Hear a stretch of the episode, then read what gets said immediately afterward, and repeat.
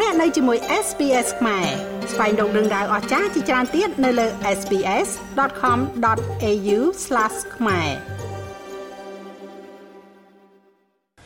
នៅយប់ថ្ងៃទី28ខែមីនាសារព័ត៌មាន Fresh News ដែលស្និទ្ធទៅនឹងលោកហ៊ុនសែនបានចេញផ្សាយនៅលិខិតសរសេរដោយផ្ទាល់ដៃរបស់លោកយឹមស៊ីណុន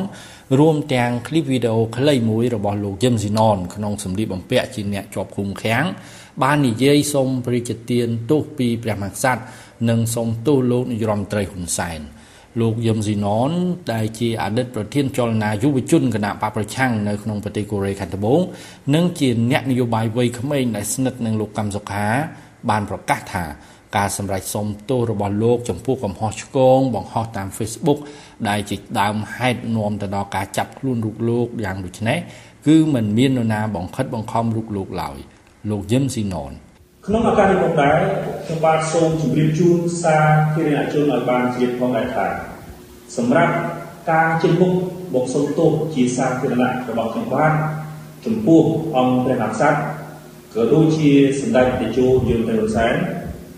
គឺស្ដែងចេញពីឆន្ទៈរបស់ខ្ញុំពិតពិតមិនមានចំណាមួយមកបង្ខំឬជំរុញនោះទេដូច្នេះខ្ញុំសូមឲ្យជ្រុំចិត្តទាំងអស់ មេត្តាជ្រាបនិងអនុគ្រោះសម្រាប់ខ្ញុំបាទនេះអត្តនេះសូមអរគុណ សូមរំលឹកថាប៉ុន្មាននាទីក្រោយលោកយឹមស៊ីណនបានសរសេរលិខិតផ្ទាល់ដៃនិងបង្ហោះคลิปវីដេអូសូមព្រះរាជទានទោសព្រះមហាក្សត្រនិងសូមទោសលោកហ៊ុនសែនរួចមកនៅយប់ថ្ងៃទី28ខែមីនាឆ្នាំ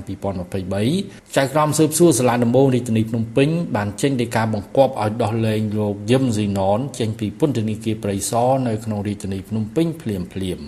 លោកយឹមស៊ីណនត្រូវបានចាប់ខ្លួននៅថ្ងៃទី21ខែមីនាឆ្នាំ2023 ជាមួយនឹងលោកហ៊ុនកុសលដោយសារតែលោកទាំងពីរបានបង្ហោះសារតាម Facebook ពាក់ព័ន្ធនឹងរូបភាពព្រះមហាក្សត្រព្រះរាជទានព្រះអគីជ័យកីឡាសម្រាប់ព្រឹត្តិការណ៍ប្រកួតកីឡាស៊ីហ្គេម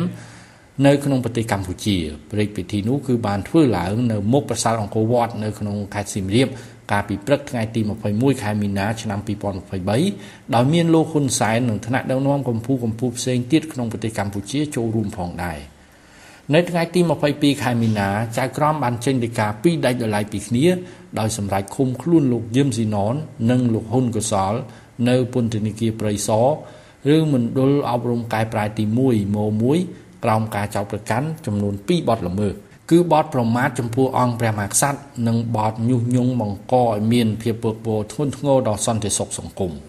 ដីកាបង្គាប់ឲ្យឃុំខ្លួនបង្ហាញថាជននេះ ត្រូវបានដាក់ឲ្យស្ថិតនៅក្រោមការពិនិត្យពីបទប្រមាថចំពោះអង្គព្រះមហាក្សត្រនិងបទញុះញង់បង្កឲ្យមានភាពវឹកវរធ្ងន់ធ្ងរដល់សន្តិសុខសង្គមប្រព្រឹត្តនៅក្នុងប្រទេសកម្ពុជាកាលពីថ្ងៃទី21ខែមីនាឆ្នាំ2023បទល្មើសព្រំប្រទានដែលមានចែងឲ្យផ្ដន្ទាទោសតាមមាត្រា437ស្ទួននៃច្បាប់ស្តីពីវិសោធនកម្មក្រមព្រំប្រទានមាត្រា494និងមាត្រា495នៃក្រមព្រំប្រទាន ក្រមព្រំប្រទានមាត្រា437ស្ទួននិយាយពីបទប្រមាថចំពោះអង្គព្រះមហាក្សត្របានកំណត់ថាការប្រមាថចំពោះអង្គព្រះមហាក្សត្រត្រូវផ្ដន្ទាទោសដាក់ពន្ធនាគារពី1ឆ្នាំទៅ5ឆ្នាំ និងពិន័យជាប្រាក់ពី2លានរៀលទៅ10លានរៀលចំណែកមាត្រា495នៃក្រមព្រំប្រទានចែងអំពីបទញុះញង់ឲ្យប្រព្រឹត្តបទឧក្រិដ្ឋជាអាត ត្រូវផ្ដន្ទាទោសដាក់ពន្ធនាគារពី6ខែទៅ2ឆ្នាំនិងពិន័យជាប្រាក់ពី1លានរៀលទៅ4លានរៀលប្រសិនបើការញុះញង់នេះគ្មានប្រសិទ្ធភាពទេនៅប៉ុន្មាននាទីបន្ទាប់ពីការសម្រេចរបស់តុលាការដោះលែងលោកយឹមស៊ីណនជាអ្នកនយោបាយវ័យក្មេងដែលស្និទ្ធនឹងលោកកំសុខារួចមកនៅយប់ថ្ងៃទី28ខែមីនា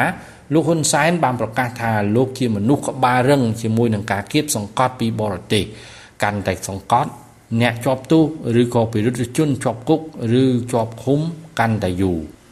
លោកហ៊ុនសែនបានប្រមានថាគេត្រូវតែចងចាំលើចំណុចនេះលោកហ៊ុនសែនបានលើកឡើងយ៉ាងដូចនេះនៅក្នុង comment តាម Facebook ឈ្មោះហ៊ុនសែនដែលលោកបានប្រើ Facebook នេះសរសេរនៅលើ Facebook របស់អ្នកស្រីសុផាតមករាជាប្រពន្ធរបស់លោកយឹមស៊ីណន ក្រោយពីប្រពន្ធរបស់លោកយឹមស៊ីណនបានបង្ហោះសារថ្លែងអំណរគុណលោកហ៊ុនសែននៅពេលដែលលោកស៊ីណនត្រូវបានដោះលែងចេញពីពន្ធនាគារព្រៃសរហើយបានទៅដល់ផ្ទះជួបជុំប្រពន្ធកូនឡើងវិញនៅយប់ថ្ងៃទី28ខែមីនាលោកហ៊ុនសែនបានហៅលោកយឹមស៊ីណននិងប្រពន្ធថាកូនកូនហើយប្រពន្ធរបស់លោកយឹមស៊ីណនក៏បានហៅលោកហ៊ុនសែនថាសម្ដេចពុកសម្ដេចពុក ប្រពន្ធលោកយឹមស៊ីណនបានសរសេរបង្ហោះ Facebook ចាប់តាំងពីលោកយឹមស៊ីណនត្រូវបានចាប់ខ្លួនដោយស្រាយរកលោកហ៊ុនសែនឲ្យជួយដោះលែងប្តីរបស់អ្នកស្រីឡើងវិញដើម្បីបានមកជួបជុំប្រពន្ធនិងកូនស្រីតូចៗទាំងពីរនាក់វិញលោកហ៊ុនសែនលើកឡើងថាការដោះលែងលោកយឹមស៊ីណននៅពេលនេះដោយសារតែប្រពន្ធរបស់លោកយឹមស៊ីណនមិនបានរកអ្នកណាជួយក្រៅតែពីស្រ័យរកលោកដែលភរិយារបស់លោកយឹមស៊ីណនហៅថាសម្ដេចពុកឲ្យជួយនោះឡើយ លោកហ៊ុនសែនបានចាត់ទុកថាជាសំណាងរបស់លោកយឹមស៊ីណនដែលលោកហ៊ុនសែនហៅថាជាកូនហើយដែលភរិយារបស់លោកយឹមស៊ីណនមិនបានទៅពឹងបរទេសឬក៏អង្គការក្រៅរដ្ឋាភិបាលដែលប្រឆាំងមកគៀបសង្កត់រាជរដ្ឋាភិបាលរបស់លោកដើម្បីដោះលែងលោកយឹមស៊ីណនឡើយលោកហ៊ុនសែនបានប្រាប់លោកយឹមស៊ីណនឲ្យចាត់ទុកការចាប់ឃុំខ្លួនលោករយៈពេល7ថ្ងៃមុននេះគិតត្រឹមថ្ងៃទី28ខែមីនា ថាជាសុបិនអាក្រក់និងរំដោះគ្រោះក្នុងឆ្នាំចាស់ដើម្បីសេចក្តីសុខនិងសប្បាយរីករាយក្នុងឱកាសឆ្នាំថ្មីនាពេលដ៏ខ្លីខាងមុខជាមួយនឹងសារខាងលើនេះលោកហ៊ុនសែនក៏បានបញ្ជាក់បន្ថែមថាផ្ដាំទៅពួកព្រុសក្រៅរបងផ្ទះបើចង់ឲ្យមនុស្សជាប់ទោសបានយូរនិងគ្មានការយោគយល់ពីហ៊ុនសែនសូមជាហ៊ុនសែនឲ្យបានច្រើនបន្តិច យ៉ាងណាក៏ដោយនៅពេលដែលលោកយឹមស៊ីណនត្រូវបានដោះលែងចេញពីពន្ធនាគារព្រៃសរនៅយប់ថ្ងៃទី28ខែមីនា គឺมันមានដំណឹងថាលោកហ៊ុនកសលដែលជាអ្នកនយោបាយវ័យក្មេងជិតស្និទ្ធនឹងលោកកឹមសុខានិងជាដៃគូរបស់លោកយឹមស៊ីណនបានសរសេរលិខិតនិងចេញคลิปវីដេអូសុំទោសដោយលោកយឹមស៊ីណនឬយ៉ាណានោះទេខ្ញុំម៉េងផល្លា SBS ខ្មែររាយការណ៍ពីរាជធានីភ្នំពេញ ចង់ស្ដាប់រឿងក្រៅបែបនេះបន្ថែមទៀតទេ ស្ដាប់នៅលើ Apple Podcast Google Podcast Spotify ឬកម្មវិធីដទៃទៀតដែលលោកអ្នកមាន។